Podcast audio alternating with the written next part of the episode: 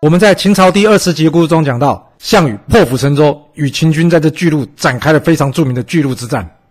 不过对比而来是诸侯联军作壁上观。然而这就是人性，千万不要以为大家伙一起来，大家就会同心协力。通常都是你会发现叫嚣的人多，上阵的人少。所以，除非形成了一种态势，逼使大家往前前进，要不然千万不要把你的期待放在别人的身上。历史刻画着人性，了解历史，或许我们就能用不同的观点去判断事情。您说是吧？想了解完整版的故事内容，欢迎到我的爱故事频道去看哦。